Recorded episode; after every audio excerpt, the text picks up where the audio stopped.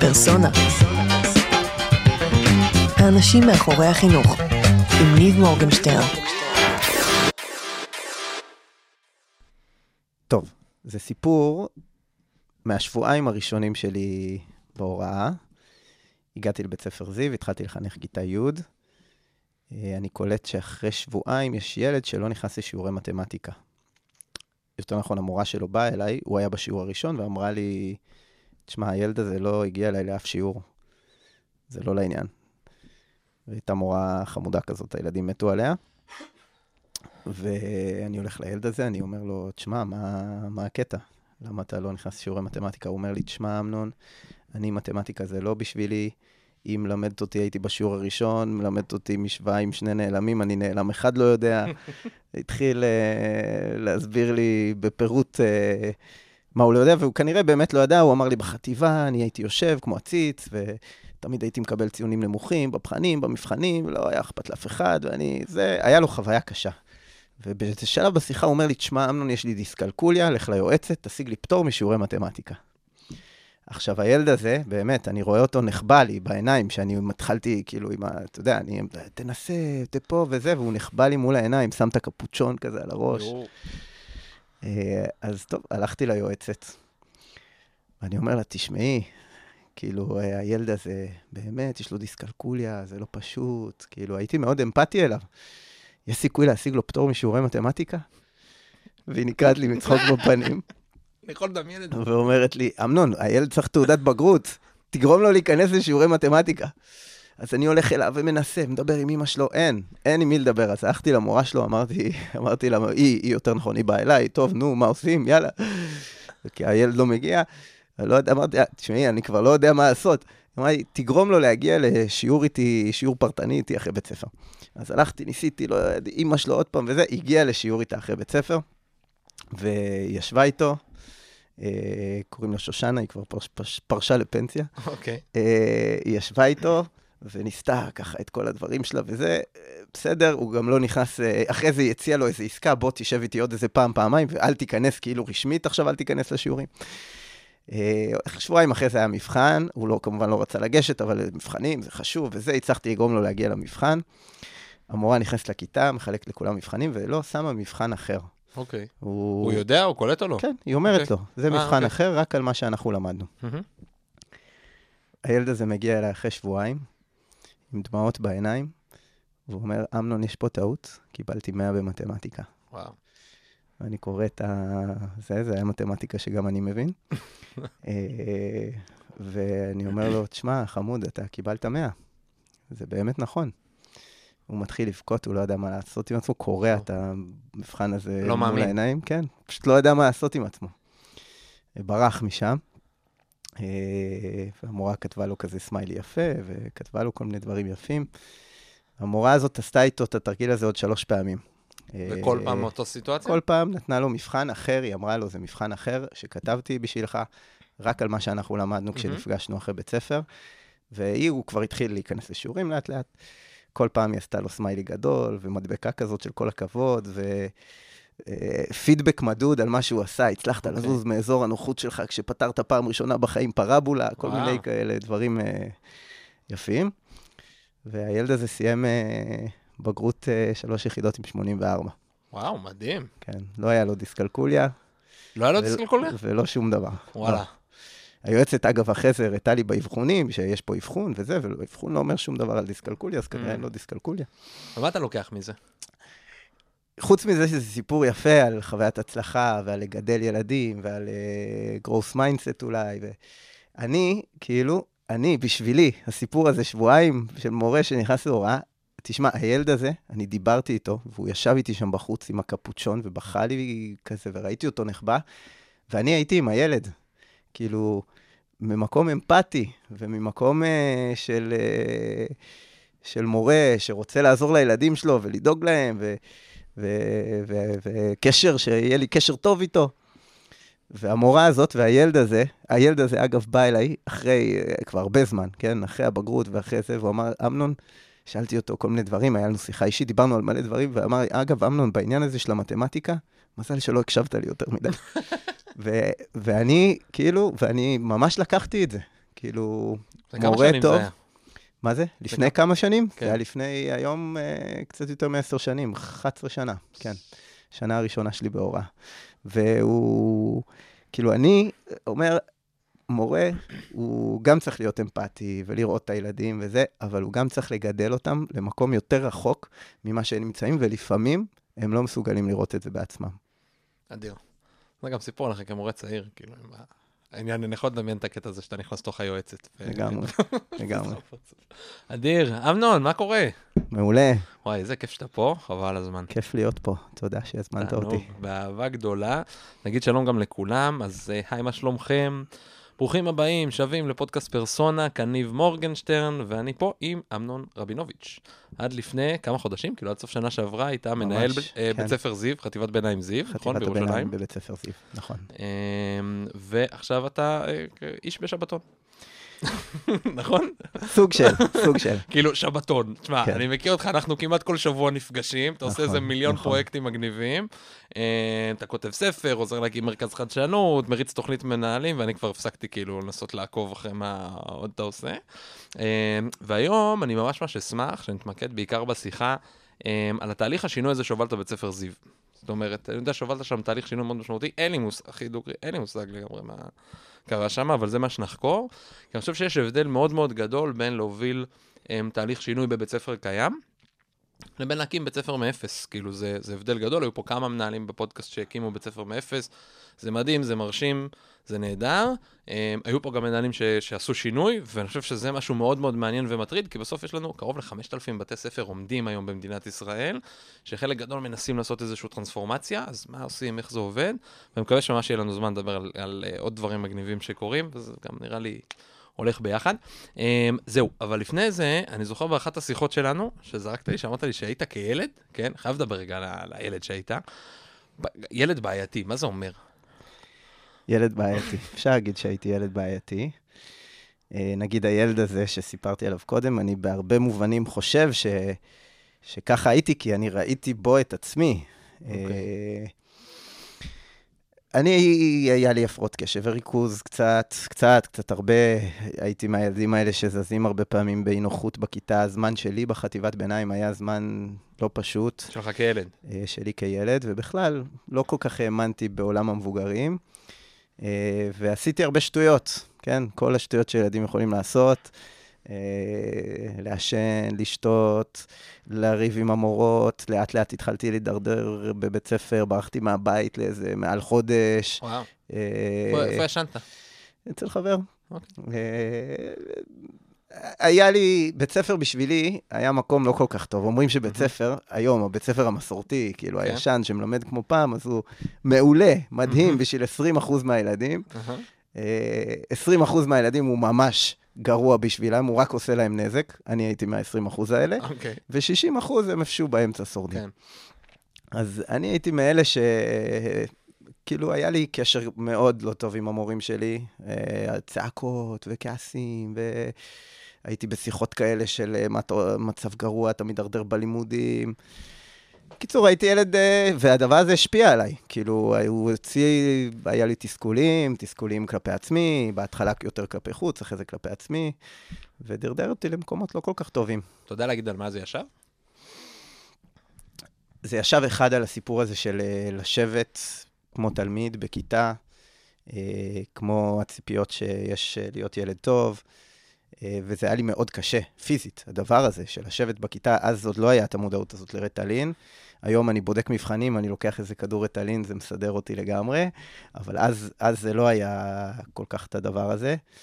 אה, וגם היו לי קצת לקויות למידה, וגם היה לי כל מיני דברים שקשורים בבית שלי, מהמם. נגיד, בעניינים הרגשיים שלי, כל מהמם. מיני, כאילו, הכל ביחד עשה הכל את ביחד עשה את. העבודה, והייתי תלמיד לא כל כך טוב. מהמם. הייתי ילד חכם, לא חשבתי את זה על עצמי. נגיד אוקיי. בעניין של מתמטיקה, הייתי ממש בהקבצות הנמוכות, ובגרות סיימתי כבר עם חמש יחידות, בציון לא רע. וואלה. אבל... מה אה, קרה?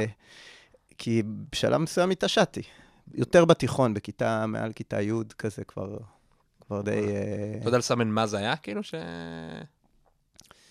מה זה היה? זה היה שני דברים. אחד, אה, בסוכות של כיתה י', התחיל איזה שבט צופים חדש כזה, ולא היה בו מספיק מדריכים וזה, ואיזה מדריך עזב בסוכות, ופתאום, והיה קבוצה שהיה צריך. להדריך אותה. אז זה לא שמישהו בא אליי ואמר, אמנון, אנחנו מאמינים בך, אתה! מסוגל. לא, אמרו, one." תשמע, אין מה לעשות, חסר מדריך, אולי אתה לא הכי מתאים. לא אמרו את זה, אבל זה בעצם מה שהשתמע. ובכיתה י"א, אמנון, זה או- אתה או הבובת קרטון פה משמאל. לגמרי, לגמרי. בכיתה י"א כבר לא הייתי עובר ברמזור אדום, כדי שחס וחלילה החניכים שלי לא יראו אותי. אה, זה, והצופים היו החיים שלי, וזה פתאום נתן לי להרגיש שמישהו סומך עליי, ויש לי אחריות ומקום ליצור, ואני משפיע שם, מדהים. וקצת תהיה שנת שירות אחרי זה. אז זה דבר אחד. ודבר שני, זה שגנבתי את האוטו של ההורים שלי בכיתה י', לפני שהיה לי רישיון. בלילה ההורים שלי היו בחו"ל, ונסעתי לחברה שלי, הייתה במקום אחר. הייתי לוקח את האוטו של ההורים שלי כבר מכיתה ז' בערך. אה, יופי. אז כש- אז אותי, אז למורה לנהיגה שלך היה קל, כאילו, עם היה קל, הייתי ממש טוב, למרות שעברתי טסט שני. באמת? איך? לא ברור, לא ברור. אוקיי. תפסה אותי משטרה באמצע הדרך. רגע, אבל לא היה לך רישיון, כאילו? לא, לא היה לי רישיון, אה, כיתה י', רישיון. עוד כן, אין אוקיי, איזה. כן, כן. והוציאו אותי ככה מהאוטו, זה היה באיזה שתיים בלילה, הוציאו אותי מהאוטו, והתחיל לצעוק עליי, הוא מסומם, תראה את העיניים שלו. ולא הייתי מסומם, לא. לא באותו רגע. אני אוהב הכנות, אמנון. והחוויה הזאת, עכשיו, הורידו אותי לתחנת משטרה, וההורים שלי לא ענו, כאילו שתיים בלילה הם בחו"ל וזה, לא היה לי למי לפנות. כן. והחוויה הזאת, שמישהו שם לי גבולות, פעם ראשונה בחיים שמישהו יכל עליי, כן? אני, כן. היו אומרים לי, לא, כאילו, זה לא היה בשבילי, לא, הייתי הולך ועושה את זה, זה, בורח מהבית, עושה את הפו, לא שמתי על אף אחד, באמת. ופתאום מישהו יכל עליי, ושם לי גבולות. והתחלתי לאט-לאט להציב לעצמי יותר גבולות פנימיים, והבנתי שעד היום, כן, הסיפור עם גבולות וגבולות של ילדים, וכמה הדבר הזה יכול להגן עליהם ולשמור עליהם, גם מאחרים וגם מעצמם, כאילו, אני זה ממש זוכר את זה, ש... שהצליחו לשים לי גבולות פתאום. לקחו אותך לתא מעצר, כאילו מה? לא לתא מעצר, אבל הורידו אותי לתחנת משטרה, וואלה, כן. וואו. לקחו אותי, אה, תראה, לא היה לי רישיון, חשבו שאני מסומם, זה כן. לא, בדקו את זה וזה, ולא כן. לא היה זה, לא זוכר אפילו איך בדקו את זה פעם. ואני עושה להם, לא, אני בדיוק בוא, התחלתי בוא, גם להדריך אתה תסתכל בצופים. על העיניים. אוקיי, כן, אה, ואתה כן, מתחיל כאילו להגן כן, על עצמך. אני אומר להם בדיוק זה. אל תעשו לי את זה, וזה כבר חשבתי, אני. לא אלך לצבא וזה, הם הלחיצו אותי, אמרו לי, אתה כן. לא תצא, יהיה לך תיק בזה, בסוף סגרו לי את התיק, והכל היה בסדר, אבל אבל יש משהו בחוויה המטלטלת הזאת, שכאילו, שאפשר להגיד, מזל שהיא קרתה לך, כי אחרת, you can never know, כאילו. לאן אה, דברים האלו הולכים. לגמרי. ואיך הגעת. ומה אה, מה הביא אותך לחינוך? כנראה שבאתי לעשות תיקון. אה, כאילו, זה הרבה, זה הרבה הצופים, אני חושב, אבל אני תמיד, כאילו, ידעתי שזה, שזה הסיפור. אם אני מבין את המתמטיקה נכון. היית בן 20 ו... שהתחלת כאילו הוראה? כשהתחלתי הוראה, הייתי בן 26 לדעתי. 26 נכנסת כבר לכיתה, כאילו. כן. ולפני זה למדת, מה? תואר כאילו בתואר ראשון בחינוך? אה, לפני זה לא, למדתי תואר ראשון במדע המדינה ופילוסופיה, אוקיי. תואר שני במדיניות ציבורית, ועשיתי תעודת הוראה באזרחות. אה, זאת אומרת, עשית את כל זה, ואז הלכת לתעודת הוראה ול... לא, לא, כאילו- עשיתי, אה. במקביל לתואר הראשון, עשיתי את התעודת הוראה באזרחות. אוקיי, זאת אומרת, כבר הבנת שאתה רוצה ללכת להוראה. כן. טוב, אז אתה מורה משהו כמו חמש שנים, נכון? ואז... אני מורה ארבע לפני שנים. שהתחלת להיות מנהל. ואז אני נמצא שנים. באיזה חבל יין יפה בגיאורגיה, חצי שתוי, מתקשרת אליי המפקחת ואומרת לי, שמת תשמע, לב שהרבה אמנון, נקודות אה, מפנה שלך הם אה, כן, אה, כן. קשורים לאלכוהול ודברים כאלה, מה לעשות? כן, לא, לא. זה של הרבה אנשים, פשוט אולי הם לא, מתביישים לא להגיד. כולם סופרים. איך. היום אין לנו, כן, אז אתה יושב בגיאורגיה, חצי שתוי, מקבל טלפון, ו... והיא אומרת, "אה, תשמע, זה היה קצת לפני פתיחת שנה, אה, נוצרה מצב, אה, וצריך לה- שתבוא לנהל את החטיבת ביניים, אה, וזהו, שאלתי אותה, תגידי, אני יכול לחשוב על זה? היא אמרה לי, לא. זהו. משם זה התחיל. כן. ומה, אז רגע, בוא תספר לנו רגע קצת על בית ספר זיו. זה בית ספר שש-שנתי, נכון? בית ספר זיו, י"ב. בית ספר שש-שנתי. אוקיי. אני ניהלתי את החטיבת ביניים. רגע, אבל שנייה, לפני, המבנה שלו, זאת אומרת, זה אומר, יש חטיבת ביניים, שיש לו, יש לחטיבה מנהל, מנהלת, יש אה, תיכון שיש להם מנהל, מנהלת, ומה, יש מנהל שמנהל גם את שני המנהלים? יש את? יורם חיים, הוא איש אוקיי. מדהים, והיה לי זכות גדולה לעבוד איתו. תכף נגיד על זה מילה, על. היחסים בין מנהל למנהל חטיבת ביניים, זה יכול להיות גם מורכב. אוקיי. אה, ולנו זה היה ממש טוב. אה, והוא בעצם מנהל התיכון, מהמם. יש לו סגנית שהיא אחראית על התיכון. אוקיי. אה, אני מנהל את חטיבת הביניים. אני רשמית לא כפוף אליו, אבל בפועל כפוף אליו. אוקיי. בסדר? אני חלק מבית ספר שש-שנתי לכל דבר. אה, ויש לי גם סגנית. אוקיי. אנחנו ארבעה אנשים בצוות הנהלה המצומצם. אוקיי, יפה. אז אתה מקבל את הניהול, איך, קודם כל, איך, אה, איך זה קורה? כאילו, עד לפני דקה היית מורה מן המניין, פתאום אתה נהיה מנהל. אני מניח שחלק מהצוות לפחות, אה, זה בית ספר גדול? כאילו, כמה תלמיד, כן, כמה כיתות יש כן. בשכבה? היום יש שבע כיתות בשכבה, שש ו- כיתות רגילות ודאז? וכיתה מקדמת. דאז זה תלוי בשכבה, היה גם שכבה של ארבע כיתות בכיתה ז'. אוקיי, אז אה, יש סגל לא קטן, ואני מניח שחלק מהאנשים שם אפילו מבוגרים יותר ממך. איך הטרנזישן הזה? כאילו, המעבר הזה מלהיות מורה למנהל? קודם כל, הוא היה קצת יותר הדרגתי, הייתי שלוש שנים מורה, חינכתי י' עד י"ב, ואז אה, ריכזתי שנה, ריכזתי שנה שכבה, את שכבת ז' שהייתה. אה, המעבר הוא, תראה, התחלתי לנהל בגיל 29. זה, וואו. כן, זה קטנצ'יק. ולהיות אה, במערכת בגיל קטן זה לא יתרון. כאילו, כן. יש הרבה ערך, וגם לי. עד היום, כאילו, יש הרבה ערך לניסיון ולוותק. אה, ויש בזה הרבה הרבה חסרונות ואתגרים שהייתי צריך לעבור אותם, כמו מה? והיו מבחנים אה, של חלק מהצוות, אבל בגדול זה גם היה מדהים, כי אני חלק מצוות, וזה הבית ספר שלי, ובו גדלתי, ועד היום, כל מה שאני יודע וכל הניסיון הפדגוגי שלי והתפיסות שלי התעצבו בבית ספר זיו. אה, אז היה בזה גם הרבה כוח. כן. בטח כוח פנימי בשבילי, וגם הרבה כוח בקשר עם הצוות, כי הצוות כבר הכיר אותי, והיו יחסים מעולים, והיה אפשר בהרבה מובנים לעוף בגלל הדבר הזה. מעולה, ועכשיו אני אהיה מעצבן, ואני אומר, עכשיו תספר מה היה קשה, כי אין סיכוי שכולם היו כל כך שמחים שנכנסת להיות מנהל. לא, מה קונה, היה לא קשה? קונה את זה. תראה, דווקא בבית ספר שלי יש משהו כזה של אה, בהתחלה מפרגנים לך, אוקיי. בטירוף, בטירוף. וגם מישהו כאילו לא מתלהב ממך כי אה, נגיד יש איזה אג'נדות חינוכיות. סותרות וכאלה דברים. בדרך כלל, דווקא בשנים הראשונות של מנהלים, בשנה הראשונה, בוא אוקיי. נגיד, די מפרגנים. זה כן? אגב דבר, אה, כן, מורים הם עם מכבד. כשקורים דברים שמזיזים מאזור הנוחות, זה הרבה יותר קשה. אוקיי. וברור שהייתה אופוזיציה. Uh, עד הרגע האחרון שלי בתפקיד הייתה אופוזיציה. כאילו, אני, התהליך שקרה זה שאני למדתי לחיות איתה. אוקיי. אבל uh, הייתה אופוזיציה, והיו הרבה מורות ששמו אותי במבחנים, ו... כמו מה, אתה יכול לתת. איזה דוגמה?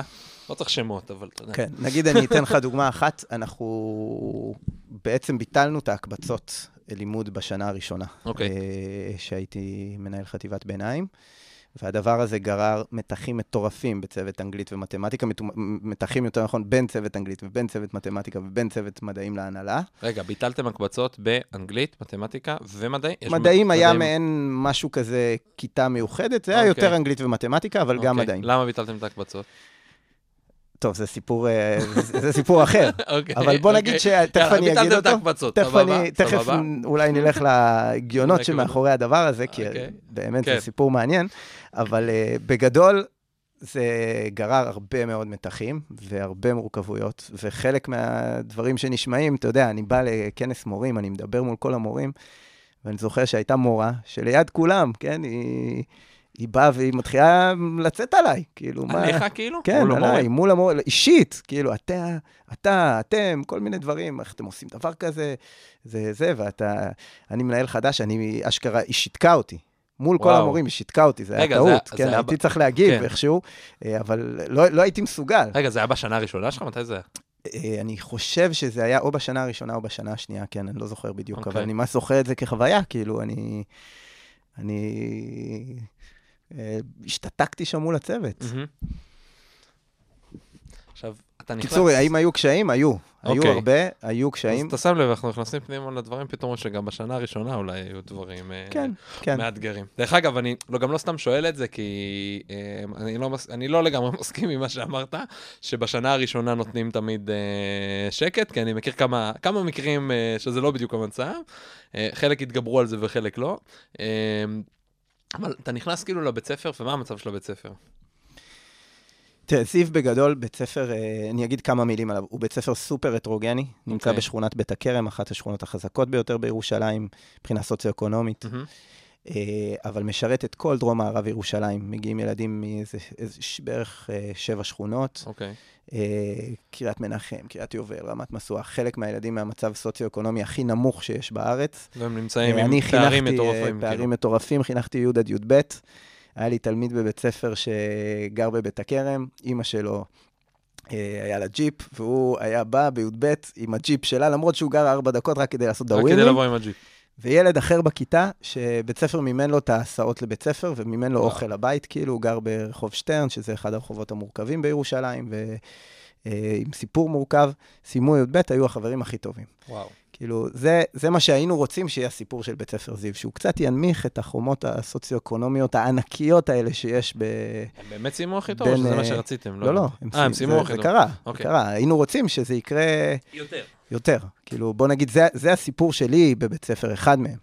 אה, אבל אה, הסיפור הזה של לעשות חינוך אה, ציבורי, טוב, הטרוגני, זה סיפור מאוד מאוד מורכב, מהמם. ו- ואנחנו רצינו שזה יהפוך להיות אה, אחד מהסיפורים של בית ספר.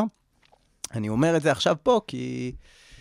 בוא נגיד, זה היה, זה היה סיפור מאוד מאוד מאתגר, בעניין נגיד של ההקבצות, מהמם. בסדר? אתה יודע, הקבצות בסוף כיתה ו', היו מבחנים, אה, א' 1, א' 2, ב' 1, ב' 2, והצוות באמת האמין בסיפור הזה של ב' 2, כי יש ילדים עם פערים מאוד גדולים, בוא נשים אותם בקבוצה קטנה ונעזור להם. אבל אנחנו יודעים טוב שמב' 2 אתה לא כל כך עולה, ואם אתה עולה, אתה עולה לב' 1. מהמם. וכשביטלנו את ההקבצות, לא רק ביטלנו את ההקבצות, כן? אה, זה אה, כאילו, ב- עכשיו אני מבין את הטרמינולוגיה של, כשאתה אומר א' 1, א' 2, ב' 1, ב' 2, זה למעשה זה ארבע הקבצות, נכון, זה ארבע רמות. זה ארבע רמות. זה כאילו מכבסה של מילים בשביל שכולם ירגישו טוב שלא יהיה א' ב' ג' ד'. כן, אפשר להגיד. סבבה. יש גם בתי ספר עם ג', יש מצטיינים, יש לא, כל לא, מיני זה למה- דברים. זה למה בסדר? אני... לא, חשבתי כן. בהתחלה שזה סתם חלוקה, זה, נכון, אבל אה, נכון. היא לא. אוקיי. אה, וגם אנחנו לא ביטלנו את זה לגמרי לגמרי, עדיין היו כל מיני קצוות ודברים, אבל במקרו, כן. בסדר? אה, לא, אין חלוקה כזאת של ילדים, בסדר? בכיתה ז' היום אתה מגיע לבית ספר זיו, זה בסדר? היום.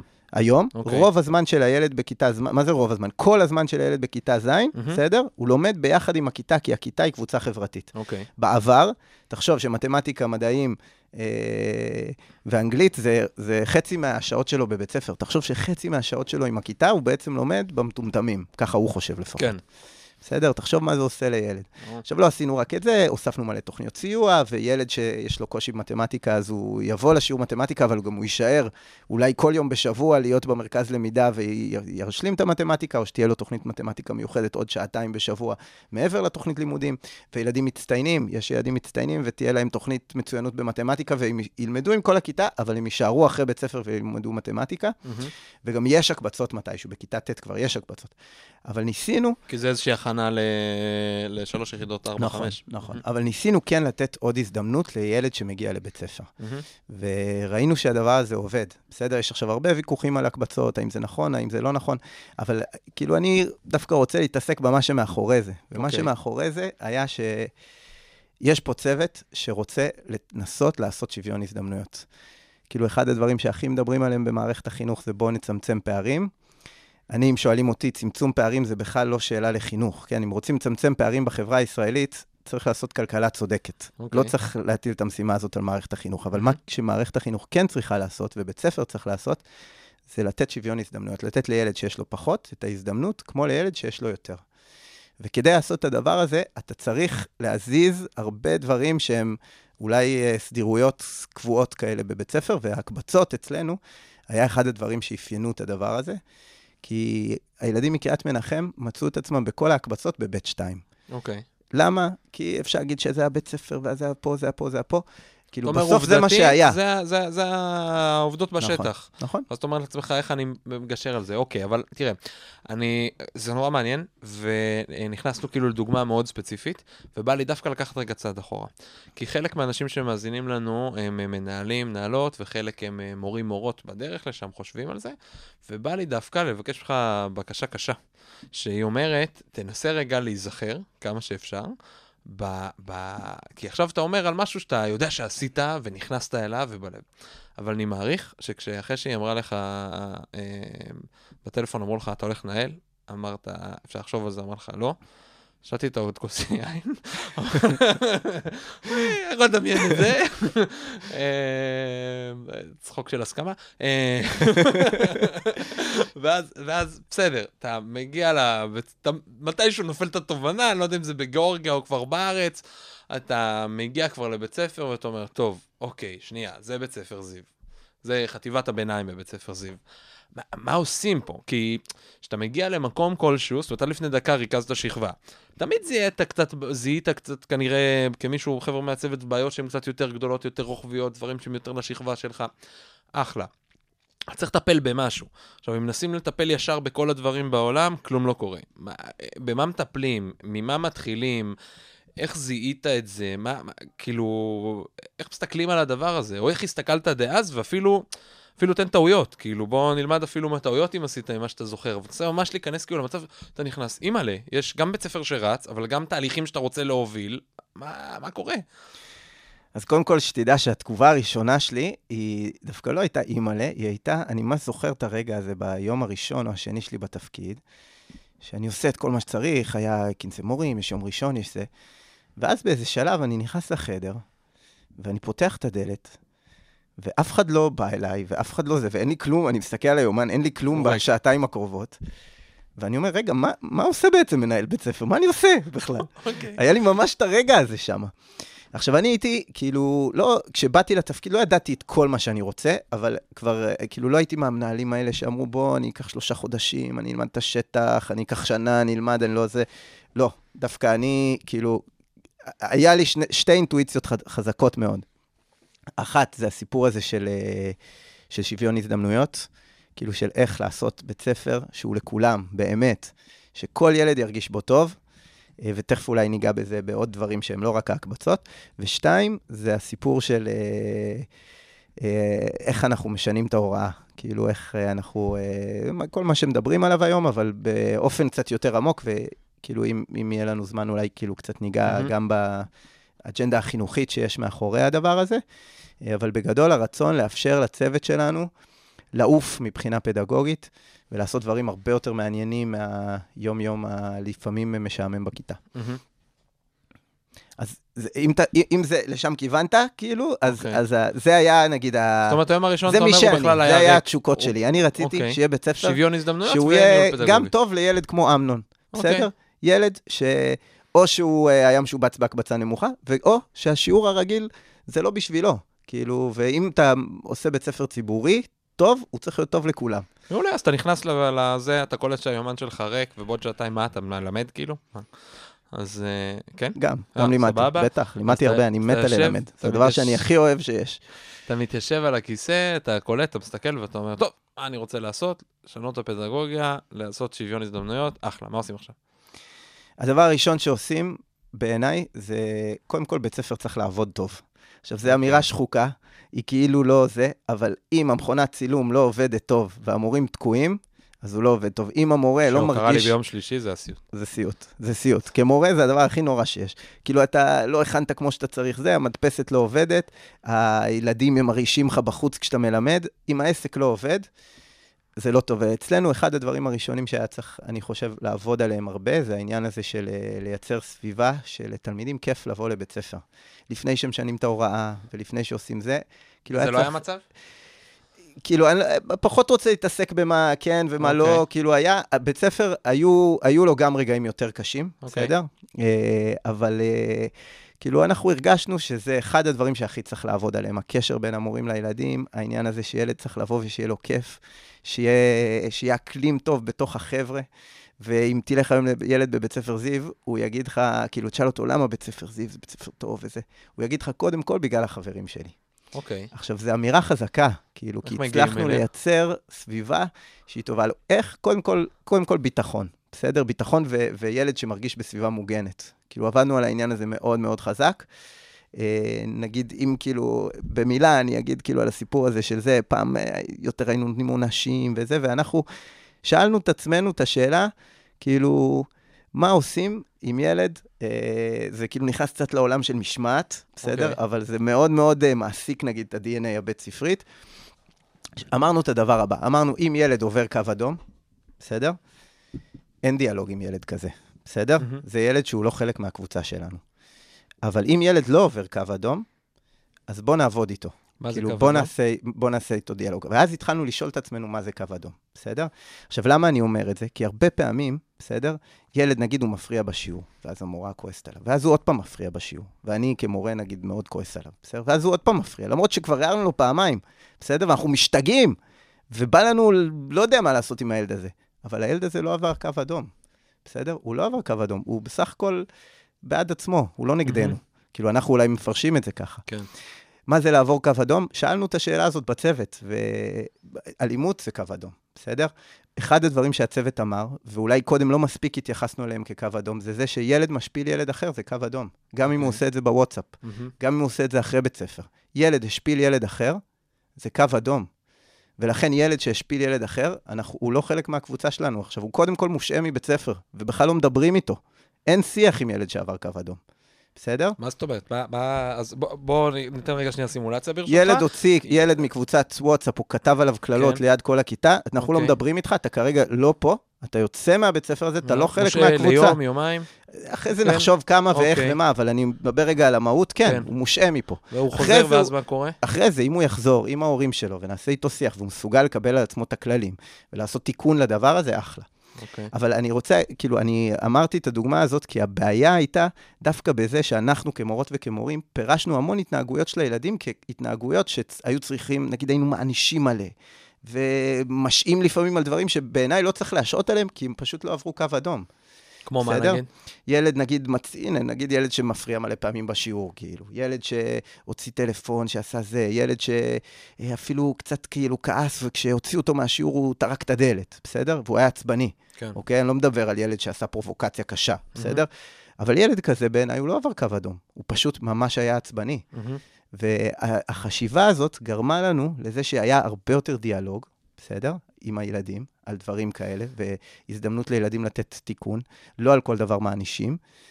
ומצד שני, היא אה, גרמה לזה שהיחסים בין הילדים הפכו להיות הרבה יותר טובים, כי פתאום כשאתה משפיל ילד אחר, אתה מחוץ למשחק.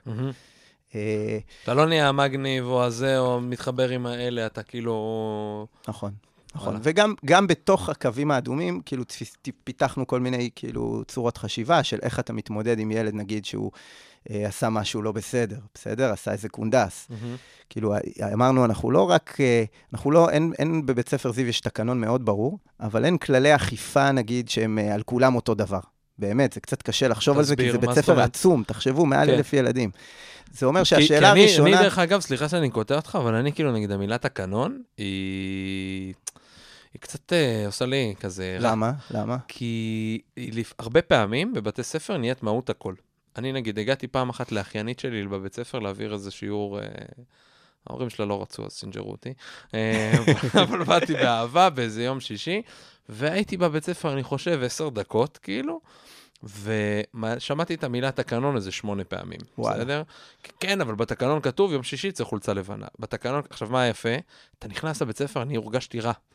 כל התלמידים עם חולצות לבנות. כאילו 99% מהתלמידים עם חולצה לבנה, אני הייתי חולצה שחורה. לא ידעתי, הייתי יודע טיבה.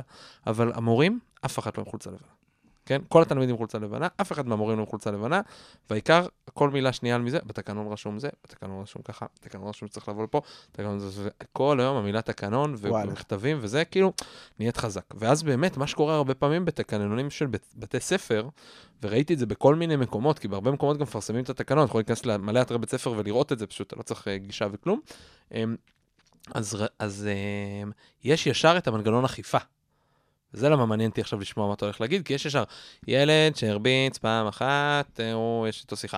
ילד שהרביץ פעמיים, אז אה, מכתב מההורים. ילד שהרביץ אה, זה, כאילו, ואז ישר, מצד אחד יש כאילו, אתה יודע ישר את השכר ואת העונש, מצד שני, כמו שאתה אומר, כל מקרה הוא מאוד מאוד אינדיבידואלי. אז מה, מה אצלכם, מה אתה חושב על זה? תראה, אני, קודם כל, אני מאוד מאוד סולד מאיזה קשיחות, אה, או אה, כאילו מבנה פורמלי צבאי כזה, כאילו, לא, זה לא המקום. בסדר? אני חושב שבבית ספר צריך להיות גבולות ברורים, ילדים צריכים לדעת בדיוק מה הגבולות שלהם. לא משנה אם זה בית ספר שהילדים קובעים את הגבולות, או שהם עושים את זה בשיח עם המורים, או שהמורים קובעים בשבילם, או שאיך עושים את זה, אבל ברמה המהותית, ילד צריך לדעת מה מותר ומה אסור, כמו שבבית הוא צריך לדעת בגדול מה מותר ומה אסור. כן. עכשיו, זה ילד שעבר את הגבול, אחלה. כאילו, זה חלק מהתפקיד של ילדים, לעבור את הגבול, בסדר? כן. אחרת הם לא ילדים. זה חלק ממי, ש... מהדרך שבה הם מעצבים את מי שהם בעולם. הם מהמם. מורדים והם פורצים את הדרך, ודרך הדבר הזה, והם עושים את זה כבר מגיל שנתיים, ובטח בגיל ההתבגרות בטירוף. כן. אז, אז זה דבר מעולה, אבל זה לא בעיית משמעת, זה הזדמנות חינוכית. מהמם. והדבר הראשון שאנחנו שואלים ילד, אי- קודם כל, אם הוא עבר קו אדום, הוא לא במשחק. לא משנה מי הוא ומה הוא וזה. ילד שהרביץ, הוא, הוא עבר קו אדום. בסדר? אני בכלל לא מדבר על ילדים כאלה, אבל אני מדבר או על ילד שעשה דבר כזה. אגב, אם הוא עבר קו אדום, יכול להיות שאנחנו נטפל בו ונעביר אותו את התהליך, ויכול להיות שהוא לא יעשה את זה יותר, מהמם. ואז אחלה. אנחנו, והוא יהיה דף חלק לגמרי. כן. אבל ילד שהוא בתוך חוקי המשחק, בסדר? בוא נלך לילד הזה, שזה פשוט קורה מלא בבית ספר, שהוא, מעצב, שהוא כאילו מדבר ומעירים לו, והוא מדבר ומעירים לו, ומדבר ומעירים לו, עוד פעם ועוד פעם ועוד פעם ועוד פעם, ואנחנו כבר משתגעים, בסדר? ילד כזה, אני אומר, השאלה הראשונה שצריך לשאול כשילד עשה עבירת משמעת, זה לשאול מה היחס שלו עם המורה שמדבר איתו עכשיו. לא מה הוא, לא מה המורה, לא מה הכיתה, מה היחס שלו בינו לבין המורה. אם היחס עכשיו ביני לבינך, בסדר? אוקיי. לדוגמה, זה יחס של אמון, אוקיי? אני ואתה, יש בינינו יחס של אמון עכשיו, אנחנו מהמם. מדברים, בסדר? הכלי הכי אפקטיבי ליחס של אמון זה דיאלוג, בסדר? אם יש אמון בין המורה לתלמיד, בסדר? מהמם. אז צריך לדבר עם הילד, לא צריך להעניש אותו, לא צריך, אה, לא יודע, להגיד עליו, לא צריך לאיים עליו, בסדר? צריך לדבר עם הילד. מהמם. וזה כלי מאוד מאוד משמעותי, והרבה מאוד מהילדים, יש, איתם יחס, יש לנו יחס של אמון איתם, ואם אנחנו משתמשים איתם בכלים אחרים, אנחנו מקלקלים את האמון הזה. אוקיי. בסדר? גם אם הילד עבר על הגבול. זה שילד עבר גבול, או עבר על החוק, או עצבן אותנו, זה לא אומר שאין לו יחס של אמון איתנו. אוקיי. עוד יחס, נגיד, שמאוד נפוץ לילדים בחטיבת ביניים, זה יחס של כדאיות. ילדים מבינים איך עובד בית ספר, והם חושבים אם כדאי לי או לא כדאי לי, בסדר? האם כדאי לי עכשיו להפריע בשיעור או לא כדאי לי? כדאי לי, כי uh, יש צחוקים עם החבר'ה וזה, או אני עכשיו הוצאתי פלאפון וסימסתי איזה אס.אם.אס, בסדר? או כתבתי משהו לחבר'ה בוואטסאפ, בסדר? האם כדאי לי לעשות את זה או לא כדאי לי? אם ילד נמצא ביחס עכשיו עם המורה שהוא מדבר איתו של כדאיות, אתה צריך לעבוד איתו בכלים של כדאיות. אוקיי. רוב, זאת אומרת, לייצר מצב שבו לא כדאי לו. בדיוק. מעניין. לא עונש חינוכי, אוקיי. עונש שיבאס לו את החיים, בסדר? אוקיי. ולא פרס חינוכי, או לא פרס כזה סתם זה. ילד ש... שיש לו יחס של כדאיות איתנו, בסדר? והוא עשה תהליך משמעותי, ניתן לו פרס טוב. הוא נגיד אצלנו בבית ספר, הילד עצמו, הוא בוחר ללכת, אה. נותנים לו, הוא מתפנה משיעור היסטוריה ובוחר עוד חבר, והם הולכים לשחק כדורגל על חשבון שיעור היסטוריה. משהו שווה, וואלה, כאילו, מבחינת אוקיי. הילד. לא סתם משהו מבאס. אוקיי? אבל עוד פעם אני אומר, מה הדבר הזה עושה? רובנו, הרבה פעמים, ילד שהוא ביחס של כדאיות איתנו, מה אנחנו עושים איתו? אנחנו מתחילים איתו דיאלוג, בסדר? Mm. אנחנו מתחילים לשכנע אותו, ומתחילים להסביר לו, ונהיים מוסרניים, ואומרים לו, לא, אתה לא זה, אתה לא פה וזה, ומתחילים שיחה ארוכה כזאת, והוא, בראש לו כבר, המורה את חופרת, כן. בסדר? אוקיי. עכשיו, ילד כזה, דיאלוג זה לא כלי אפקטיבי איתו, בסדר? בגלל שהוא נמצא איתנו ביחס של כדאיות. הוא יעשה מה שכדאי לו, הוא לא איתנו ביחס של אמון. ואיך התלמידים מרגישים כשיש את ההבדלים האלה? בין הילדים? בואנה, בואנה, הוא מקבל למה את אה, עושה זה, זה? הוא קיבל בהיסטוריה לשחק כדורגל, אני קיבלתי זה, כאילו, איך אה, מגשרים את הפער הזה? קודם כל, זה, זה ניתן לגישור. ילדים לאט לאט מבינים את זה, זה קשה, בסדר? זה מהמם. קשה. אין ספק ש, אה, שילד מתעצבן כי הוא מרגיש את האי שוויון באכיפה, כאילו, מהמם. בסדר? נגיד הילד הזה הוציא פלאפון, בסדר? יש ילד נגיד, אבל כולנו כמורים מכירים את זה. ילד אחד, נגיד, הוא כל שיעור מוציא פלאפון, כל שיעור, והוא משגע את המורים וזה. והנה יש שיעור שהוא לא הוציא בו פלאפון בכלל, ואז הוא, יום, ש... או נגיד שבוע שלם הוא לא הוציא פלאפון בכלל, ולשנייה הוא הוציא פלאפון, בסדר? מהמם. אנחנו עכשיו נעניש אותו, או נעשה איזה משהו נורא, אנחנו נהרוס את הכל, כן. בסדר? ויש ילד אחר שאף פעם לא מוציא פלאפון, אבל הוא הוציא עכשיו פלאפון וזה, והערנו לו בשיעור, או עשינו איזה משהו כאילו זה, זה הגיוני שנתייחס אחרת לילדים, הם לא אותו דבר, כאילו, וזה הגיוני שנתייחס אחרת, בגלל שהילדים הם שונים, ובגלל שהיחס שלנו הוא אחר. מהמם. וילדים מתחילים לחיות עם זה, לאט-לאט, זה קשה לפעמים, אבל הם חיים עם זה.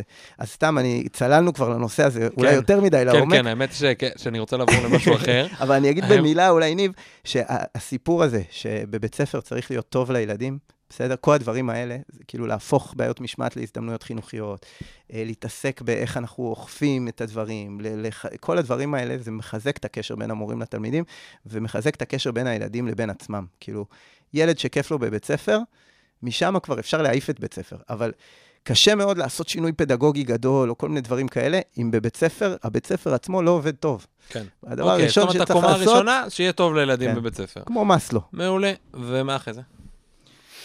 ומה אחרי זה? למרות שיש לי תחושה שלא עשית דברים לגמרי ליניארי, נכון? נכון, זאת אומרת, זה לא נכון. שהתעסקת רק בזה. זאת אומרת, התעסקת בזה, יכול להיות שבזה נגיד התעסקת בטח 60-70 אחוז, מה שאני מכיר את הדרך החשיבה שלך, אבל אה, מה במקביל, כאילו, נכון. מה אחרי זה? תראה, כאילו, הכל קורה במקביל, זה מהמם. נכון, הכל קורה במקביל. כאילו, גם אני כמנהל, כאילו, אתה שואל אותי מה הדבר הראשון שאני עשיתי, כאילו, באמת, זה הסיפור של הצוות. כאילו, עם, אה, עם, המ- אוקיי. עם המחנך, הכיתת חינוך זה הצוות שלו, והמורה זה, הכיתה זה, זה ה... לא הצוות, כאילו, עם, ה, עם הילדים זה הכיתה שלך. מנהל, הכיתה שלך זה הצוות, המורים. לא הילדים. מהמם. כאילו, נשים וגברים ששומעים אותנו עכשיו ושואלים את עצמם להיות מנהל בית ספר, לא להיות מנהל בית ספר. זה שאתם אוהבים ילדים, זה לא סיבה מספיק טובה להיות מנהל בית ספר. זה תיאום בסדר? חלחל. כאילו, דווקא העבודה הניהולית המרכזית, בסדר? היא בעבודה עם הצוות. מניהול קונפליקטים בצוות, ודרך לגדל אותם. כאילו, ורוב מה שעשינו, זה התעסקנו נגיד הרבה בסיפור של כאילו, בלאפשר לצוות שלנו לעשות, ובלהזכיר לצוות שלנו מה החלומות הפדגוגיים שלהם. ובלהגיד, כאילו, וליצור אווירה שבה מורה לספרות שנכנסת לשיעור, בסדר? אם היא בוחרת את היצירה הספרותית שהיא מלמדת, וזו יצירה ספרותית שהיא מתרגשת ממנה בטירוף כשהיא מלמדת אנטיגונה, לא יודע מה, אז יהיה לה שיעור מדהים. מעולה, וזה מרגש, ובא לי לרדת איתך לפרקטיקה. יאללה. בסדר? כי אני פוגש מלא מנהלים ומנהלות ש... שהם אה, רוצים לדבר את השפה שאתה מדבר. אבל בסוף הם נכנסים לתוך חדר מורים, שיש אה, בחדר מורים קליקות. ויש את המורות הוותיקות יותר, והפחות ותיקות, ואת הקבוצה הזו והקבוצה הזו. ויש המון כוחות שמתנגדים מאוד לשינוי, ולא מבינים מה אתה רוצה, ועזוב אותי, ותן לי ללמד לפי הספר והשיטה ומה שאני מכיר, והכל רצח לה. עוד לא התחלנו לדבר על שינוי פדגוגי בכלל. איך, יפה, לא, אז אני אומר, מה עושים? מה עושים בתהליך הזה? איך אתה גורם באמת למורים, לצוות שלך, לנוע לשם? תראה, אז קודם כל, גם אני חושב שרוב הדברים שקרו בבית ספר זיו, עוד לא דיברנו עליהם כל כך, תכף אולי נגיד עוד כמה דברים שעשינו מעניינים, אבל כאילו, הם קרו בזכות הצוות וביוזמת הצוות ובהפקת הצוות, וכל מה שאני עשיתי, זה אני אפשרתי להם לעשות את הדבר הזה ונתתי להם גב. הדברים אוקיי. הבאמת גדולים שקרו. מהמם. מהדברים המעניינים שקרו בכיתות, מהמם. כל מורה בכיתתו, ועד הסדירויות הגדולות שקרו בבית ספר, אוקיי. בסדר? ובבית ספר קרו כל מיני סדירויות מוזרות, בסדר? התחלנו לפתוח שיחות בוקר. המערכת שעות שלנו השתנתה, שיעור אצלנו זה 80 דקות, בסדר? אוקיי. לא רגע, שני קודם כל בוא נסביר. רגע מה זה סדירויות, אה, ואז תיתן כמה דוגמאות. סדירויות במובן, ה, נגיד, המבנה, ה-DNA של בית ספר, ההרגלים של בית ספר, כן. בסדר? זה כאילו הדברים הברורים האלה, כן? כן, השיעור כן. זה 45 דקות, יושבים בשורות, המורה מדבר, התלמידים מקשיבים, יש צלצול. נכון. אוקיי. כאילו. אולי אני אגיד על זה עוד דבר כאילו מרכזי על סדירויות. אחד, זה שהסיפור הזה יוצא נגד קצת התפיסה של דוח מקינזי, אוקיי. שדוח מקינזי, הוא אמר, מה הוא אמר, כאילו, ושרי חינוך אהבו לצטט אותו, ובגדול הדבר הכי מצוטט שיש בזה, המסקנה העיקרית זה, איכות מערכת החינוך לא תעלה על איכות מורה. מהמם. אז מערכת החינוך משקיעה מלא בכאילו לשפר את המורים, לתקן כן. את המורים, תגיד את זה איך שאתה רוצה. למרות שאני שמעתי מישהו שאומר על זה משהו אחר, הוא אמר זה נכון, אבל גם איכות המערכת החינוך לא תעלה על איכות המערכת. כן. זאת אומרת, כן. ואז מדברים פה בהקשר, נגיד, נותנים תמיד את האנלוגיה לפינלנד, שבסוף צריך לתת למורים אמון, צריך לתת, זאת אומרת, יש פה סוגיות בסוף של גם איך המערכת מתפקדת. אז זה בדיוק מה שאני אומר. כאילו, אני אומר, המ, אני אומר דווקא, כאילו, הקושי הוא בסדירויות של המערכת. אם אתה תגרום למורה, בסדר? להיות במקום שנוח לו, שכיף לו ללמד, שהוא מממש את התשוקות הפדגוגיות שבשבילם הוא בא להוראה בתוך הכיתה שלו, והוא לא חי את החיים המורכבים לפעמים שיש בתוך הסדירויות של בית מהמם. הספר, יהיה לך חינוך מעולה. איך עושים את זה? אוקיי, אז בסדר. אז, בוא, אז קודם כל שואלים את המורים. אוקיי. באמת, אני לא המצאתי שום דבר, לא הבאתי, זה כל ההשתלמויות שלנו, הקמנו איזה חמש השתלמויות בית ספריות בתוך בית ספר. שמה, שהמורים ש- מעבירים שהמורים- למורים? רק המורים מעבירים. זאת אומרת, לא הכנסת הפסקנו בכלל, להביא אה, כל גורמי מיני כאלה חיצוניים. מבחוץ. כן. לא, כאילו, אפשר, אפשר לקבל השראה, אפשר כן. לזה, זה לא שאני אבל את נגד... התהליכים אבל העמוקים בגדול, עשיתם את הדברים המרכזיים, אוקיי. הצוות שלנו הוביל, ויש הרבה אנשים שהתעסקו בסיפור הזה של מו"פ, של מחקר ופיתוח, של. להעביר, של לבנות, של ללמד, של לחשוב חינוך ולהתעסק בשיח חינוכי ברמה גבוהה. אה, ופינינו לזה הרבה זמן כדי שהדבר הזה יקרה. ובין השאר, כאילו, הצוות שלנו החליט לעשות הרבה מאוד שינויים. מהמם. אז, כמו אז, מה? כמו הסדירו, כאילו, אז אחד מהם זה לפתוח כל בוקר בשיחת בוקר. אוקיי. שתיים זה להס- להפוך את מבנה השיעורים להיות אחר לגמרי. כאילו, אתה לומד ביחידה של 80 דקות, כי ביחידה של 45 דקות, עד שאתה מתחיל, עד שאתה מסיים, עד שאתה זה, מאוד מאוד קשה אה, לה, לעשות דברים שהם לא הלמידה המסורתית. מהמם. ודווקא ביחידה של 80 דקות, לעשות PBL, או לעשות חקר, או לעשות אה, למידה דרך פתרון בעיות, בסדר? אה, אתה, אתה יכול לעוף. מהמם. כי יש לך יותר זמן עם הילדים. אה, עוד אחד הדברים, נגיד, שעשינו, זה ששאלנו את עצמנו, האם הסיפור הזה שילדים לומדים כל כך הרבה מקצועות, כאילו זה דבר נכון, אוקיי. בסדר? אה, נגיד, יל- ילד לומד היום בחטיבת ביניים 13 מקצועות. אוקיי. בסדר? תחשוב על עצמך, כשהיית סטודנט, כמה מקצועות אתה למדת, כמה קורסים לקחת במקביל. בסדר? למדת. קיימות וממשל, נכון, ניב? נכון. אה, אז, למדת שני. מקצועות גדולים. הבינתחומי זה כמו בית ספר, לא שואלים אותך איזה קורסים בא לך, נותנים לך שיבוצים. אז נגיד לומד בסמסטר כן. שישה קורסים כן. במקביל. ובשני נושאים מרכזיים. כן. ילד לומד 13. יש לו ביום אחד היסטוריה. תנ"ך, חינוך גופני, תרבות ישראל, מתמטיקה, אנגלית, כן, זה אבל מה מטורף. אתה עושה עם זה? זה כאילו, זה הכתבה של משרד החינוך. מה אתה אנחנו, יכול ב- לעשות עם זה אנחנו כמנהל? נגיד, אנחנו לומדים במקצועות ההומניים, אוקיי. בכיתות ח' וט' היום, מהמם. לא לומדים לפי מקצועות, אוקיי. לומדים לפי תמות, בסדר? אומר? אין מקצועות, לומדים מקצוע אחד שקוראים לו מקצוע רב-תחומי, אוקיי. בסדר? אתה לומד אהבה, אתה לומד מנהיגות, אתה לומד משפחה, יש, אתה לומד טבע האדם, היום... אתה לומד שינוי חברתי. רגע, רגע, רגע, התלמידים בחטא 2 בבית ספר זיו היום, יש להם בין 9 ל-10 ו-20 שיעור אהבה? כן, יש להם שיעור רב-תחומי, והנושא שעכשיו הם מתעסקים בו זה אהבה. וכשהם לומדים אהבה, איך לומדים אהבה? הם, הם לומדים דרך היסטוריה, ודרך, הם לומדים את ההיסטוריה של האהבה, ואת הטקסטים של תרבות ישראל, ומתעסקים באהבה היום, ומתעסקים במשהו שהוא חי בשבילם, ובסוף גם בדרך כלל אין להם מבחן, אלא רוב הפרקטיקות הלימודיות הופכות להיות פרקטיקות לימודיות הרבה יותר מתקדמות, בסדר? כמו PBL, כמו למידת חקר, כמו למידה אוקיי. מבוססת פתרון בעיות, אה, ואפשר לשלב בתוך הדבר הזה המון המון דברים משמעותיים. אז ילד שלומד אהבה, אה, יקבל לעשות סרטונים, וילך לצלם את ההורים שלו, וישאל אותם על הסיפור האהבה שלהם, ויביא את זה אחרי זה לכיתה, וישאל את עצמו, תלוי באיזה כיתה, כן, מהמם. ומה, אבל ישאל את עצמו איפה הוא עומד עם הדבר הזה, ומדברים מלא על יחסים בין בנים לבנות, וכל הדבר הזה קורה בתוך בית ספר. המקום שכאילו אסור לדבר עליו, עליו, אסור לדבר בו באהבה, ואם מדברים עליו באהבה, באהבה זה בהפסקות. כן.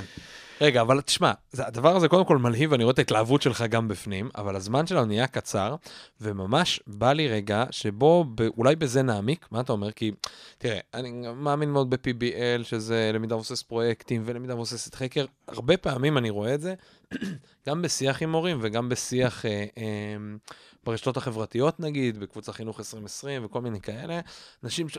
היה פוסט מלפני יומיים, מישהו כתב, אה, וואי, אתם לא מבינים, עשיתי שיעור PBL לתלמידים שלי, השקעתי איזה שעתיים בלתכנן אותו, והם לא הבינו בכלל מה אני רוצה, והתלמידים אמרו לי בסוף, בוא נחזור חזרה לספר ולנייר.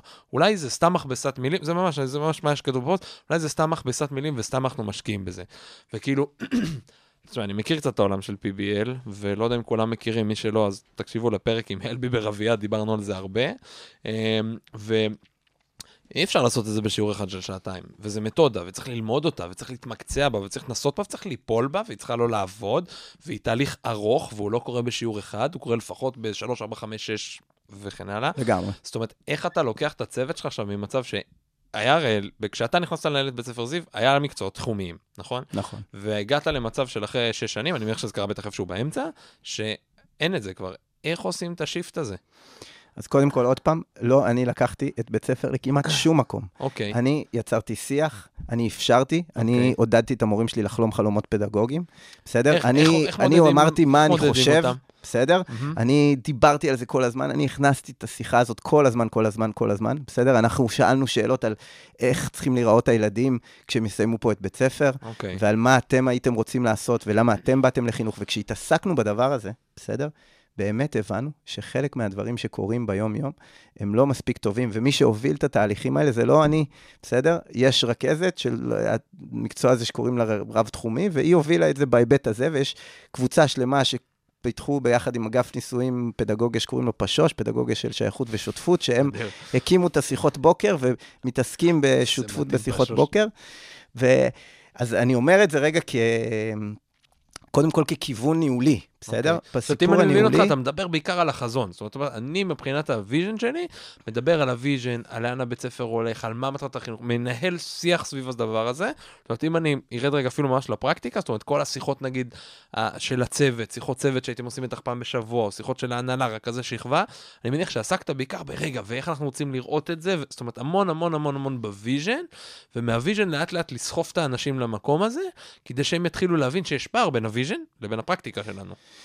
אז... אני מבין נכון? אתה מבין נכון, אבל okay. אתה, אוקיי. צ... כאילו, אם אתה מוביל לשם, זה באמת לא הדבר היחיד ש... Okay. אוקיי. שצריך לעשות. זה נכון, צריך לעשות חזון. Okay. אוקיי. צריך להתעסק בסדירויות באופן ישיר, בסדר? לעודד mm-hmm. את הצוות לש... לצאת מתחומי הכיתה שלי, שזה דבר קשה, כי מורה הוא גדל באתוס של אני נכנס לדלת הכיתה וסוגר אותה, בסדר? Mm-hmm. וגם לעודד אותה ללמידת עמיתים, לצאת כדי ללמוד מאחרים ולעשות תצפיות וכל הדברים האלה, אבל גם לעודד במובן של בוא נשנה דברים ברמה קצת יותר גבוהה, mm-hmm. ונקיים על זה שיחה ונתעסק פרקטית במה אנחנו הולכים לשנות בבית ספר בשנה הבאה. וכל שנה היה השתלמות שכל המורים יכלו להגיע אליה ולבחור בעצמם איזה דברים צריך לשנות, ויש מורה שחלמה להקים עתודה הומניסטית, שזה פרויקט תלמידים מצטיינים בתחומים ההומניים, אז זה מה שהיא עשתה, בסדר? ויש מורה שהסיפור אה, של מוזיקה ומגמת מוזיקה זה מה שמעליב אותה, זה מה שהיא עשתה, ויש מורה שמגדר זה מה שהעסיק אותה, אז היא רכזת מגדר, ובכל ה... אה, יש, אנחנו חזקים בספורט, אז אין היום תחום ספורט, לא בכדורעף, לא בכדוריד, לא בכל... אה, כדוריד אין, סליחה, לא בכדורעף, לא בכדורגל, לא, בכד... אה, לא בכדורסל, שאין קבוצת בנות בספורט, שאגב, הן כבר היום יותר טובות מהבנים. אז כאילו, כי, כי היו מורות שזה היה המקום שהן רוצות להוביל, ואנחנו עזרנו להם לצאת מתחומי הכיתה שלהם.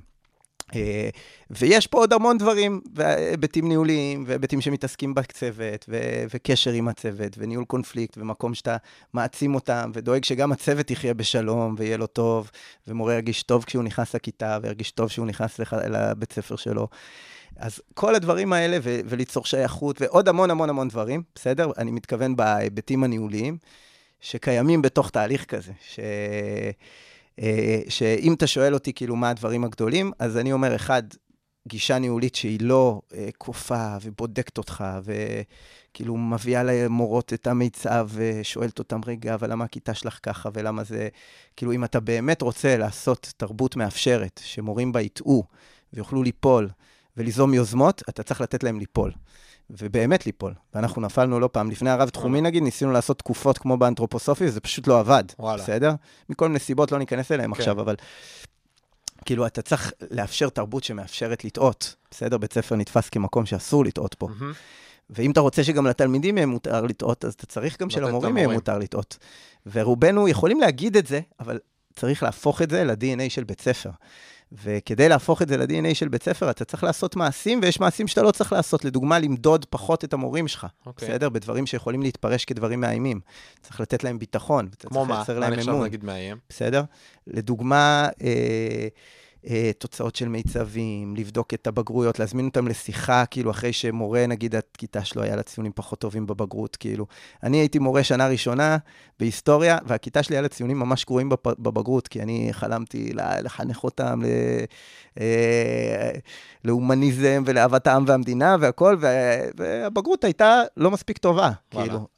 אה, לקחו אותך לשיחה כאילו? לקחו אותי לשיחה. שלום אמנון, זה לא כן, בסדר? מה קרה? כאילו, מה כן. קרה שם? ושואלים אותי וזה, ואתה יוצא מהשיחה הזאת, עכשיו זה בסדר אם זה ממקום של אמון ואפשר לדבר, אבל אני יצאתי כן. מהשיחה הזאת, ואני זוכר שאני אמרתי, אני לא רוצה לעבוד פה יותר. יואו. כאילו, כן, כן. תגיד, היה רגעים שכמנהל, שרצית לעזוב את הכל? ולברוח? ברור. אף פעם לא. וואלה. היו הרבה רגעים קשים מאוד, אוקיי. מאוד מאוד מאוד. שהתחלתי uh, לתהות בכלל אם אנחנו עושים את הדבר הנכון. לא יודע, בבית ספר כולם לומדים עם מחשבים אצלנו, כל ילד יש לו מחשב, חלק מהתהליך הזה היה מאוד קשה. Uh, יש לך התמודדויות עם הורים מורכבות, יש לך עוד כל מיני דברים לעשות שלא דיברנו עליהם היום. היו רגעים קשים, אבל אני מאוד מאוד אוהב את מה שאני עושה. אני באמת בן אדם שקם בבוקר, ואני מודה שאני נמצא ב... במקום שאני פשוט צועד לבית ספר, והיום-יום, המהות שבה אני מתעסק, זה בלחנך ילדים ולהוביל בית ספר. זה דבר מאוד מאוד מרגש. אז uh, אז זה, זה, וזה חזק אצלי מאוד. מרגישים. אני חושב שמרגישים את זה גם דרך הפוד, בתור בן שמכיר אותך קצת כבר, אז מרגישים את זה בכל אה, זה, וגם, נראה לי שמרגישים את זה גם אפילו פה דרך הפודקאסט. כן. איזה אני מדהים. אגיד אולי עוד דבר אחד אחרון לגבי כן. השאלה שכאילו, מה צריך לעשות. אני כן, כאילו, אין לי חזון, ולבית ספר אין חזון, ולא ליורם ולא לאתי מויאלי, הייתה הסגנית שלי, אישה מדהימה, מדהימה, היום מנהלת החטיבת ביניים, כאילו, זה לא שיש לה חזון, או למישהו מאיתנו חזון מאחורינו, מהמם. אבל יש מהויות שאנחנו מתעסקים בהן. כאילו, אנחנו מהמם. אנשים מאוד... uh, של חינוך הומניסטי, לדוגמה, בסדר? כאילו, אני, נגיד, uh, מאוד קשה לי שהיום רוב השיח החינוכי של לשנות את החינוך הוא דווקא מוטה, הרבה פעמים, המהפכנים הכי גדולים, שמדברים על מיומנויות המאה ה-21 וכל זה, הם מדברים מאותו מקום של בוא נכין את הילדים לשוק העבודה העתידי, מהמם. שזה גם חשוב. כן. אבל אני אומר שהאתגרים שלנו, כאילו, להתעסק במשבר האקלים, להתעסק עם חברה שיש בה פערים מטורפים, כאילו, להתעסק בחברה שהקשר האנושי בה, כאילו, אנחנו, אה, אתה יודע, אני ואתה הולכים לרחוב ונמצאים באיזה mingling, וכל מה שאנחנו מתעסקים איתו זה בוא נכיר עוד בן אדם כדי להשתמש בו לאיזו מטרה שהיא חיצונית לקשר, כן? כן. בוא נתעסק במהות, בקשר האנושי, כאילו, אז, אז המקומות האלה, כאילו, האתגרים הגדולים האלה, שהיום החברה שלנו, לפעמים אני ממש מרגיש שהיא בסכנה במקומות האלה, כאילו, הם, הם מה שהניעו אותי להרבה דברים. כאילו, להתעסק דווקא בחינוך הומניסטי, שהוא לא רק מכין את הילדים לשוק העבודה, מהמם. הוא גם, אנחנו עושים כן. בגרויות טובות בבית ספר. אה, לא שבגרויות מכינות אותך לשוק העבודה כן. העתידי, כן? אבל השינוי, כאילו, הרוח שאני ניסיתי לתת היא גם הרוח שלי, של לבוא ולהגיד, אנחנו רוצים לחנך, בכלל מתעסקים בשאלה הזאת, כן? למה יש בית ספר, בסדר?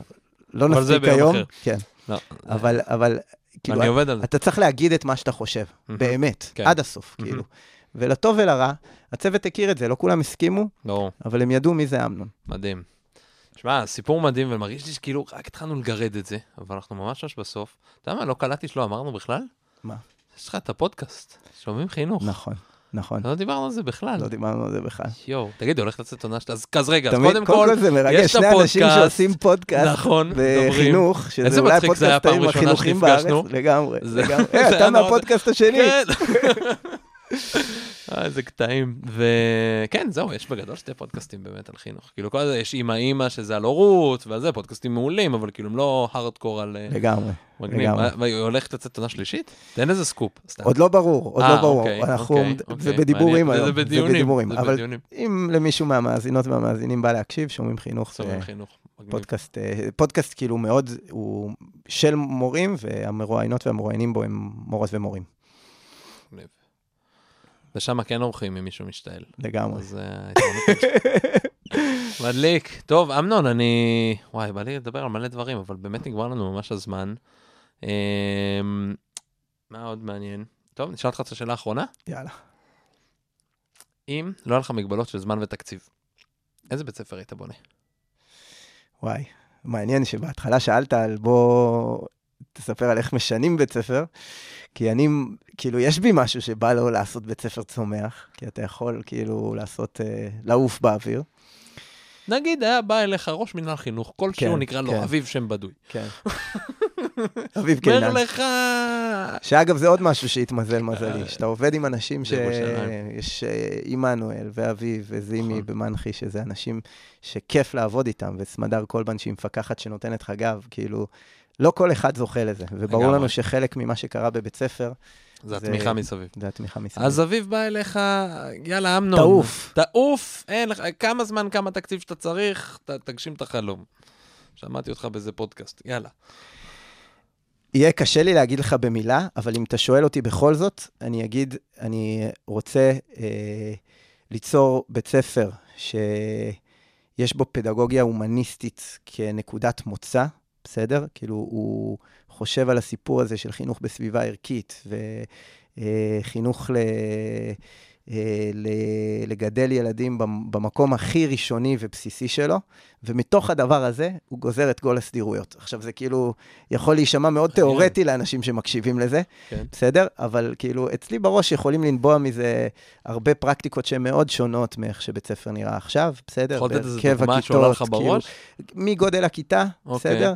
אה, עד המהות החינוכית שאנשים מתעסקים בה. כאילו, נגיד, אני הרבה יותר מאמין באמת ב... שוב, כאילו, אני בן אדם של... אה, כאילו שיש בו גבולות, כאילו אני רב עם החינוך הפתוח על חלק מהדברים של, שכאילו הם מציעים היום, אני לא, מהמם. דווקא לא, אתה לא תשים אותי בזרם הזה, כן. אבל אתה תשים אותי חזק בזרם שמתעסק בפוליטיקה, בסביבה ערכית, בלהפגיש את הילד בדילמות חינוכיות כל הזמן, אני מדבר על חטיבת ביניים, חטיבה עליונה, כן? כן. כאילו, אה, אז, אז אני ממש שמה. בסדר? זה היה טוב. ממש במילה. ברור, אבל ברור, ברור. זה יהיה הכיוון. תודה ענקית, איזה כיף שבאת, היה מרתק, ממש. היה כיף לדבר איתך, ניב. ממש ממש כיף. טוב, יש לנו עוד מספיק שיחות, אז זה כיף לנו. תודה לכם שהאזנתם, שסבלנו אותנו עד עכשיו כבר 50 ומשהו דקות. אה, אה, זהו, האזנתם לפודקאסט פרסונה, אם אתם רוצים לספר, להגיד, לשאול שאלות, מענות, רעיונות, טענות, אתם מוזמנים לכתוב לי ב-hello at persona co.il, זה h-e-l-l-o. שטרודל, co נקודה, אה, שטרודל, פרסונה, p-r-s-o-n-a נקודה co נקודה l, אני כבר מבולבל לגמרי, כבר לחלוטין. אה, זהו, נשתמע בפרק הבא. יאללה ביי.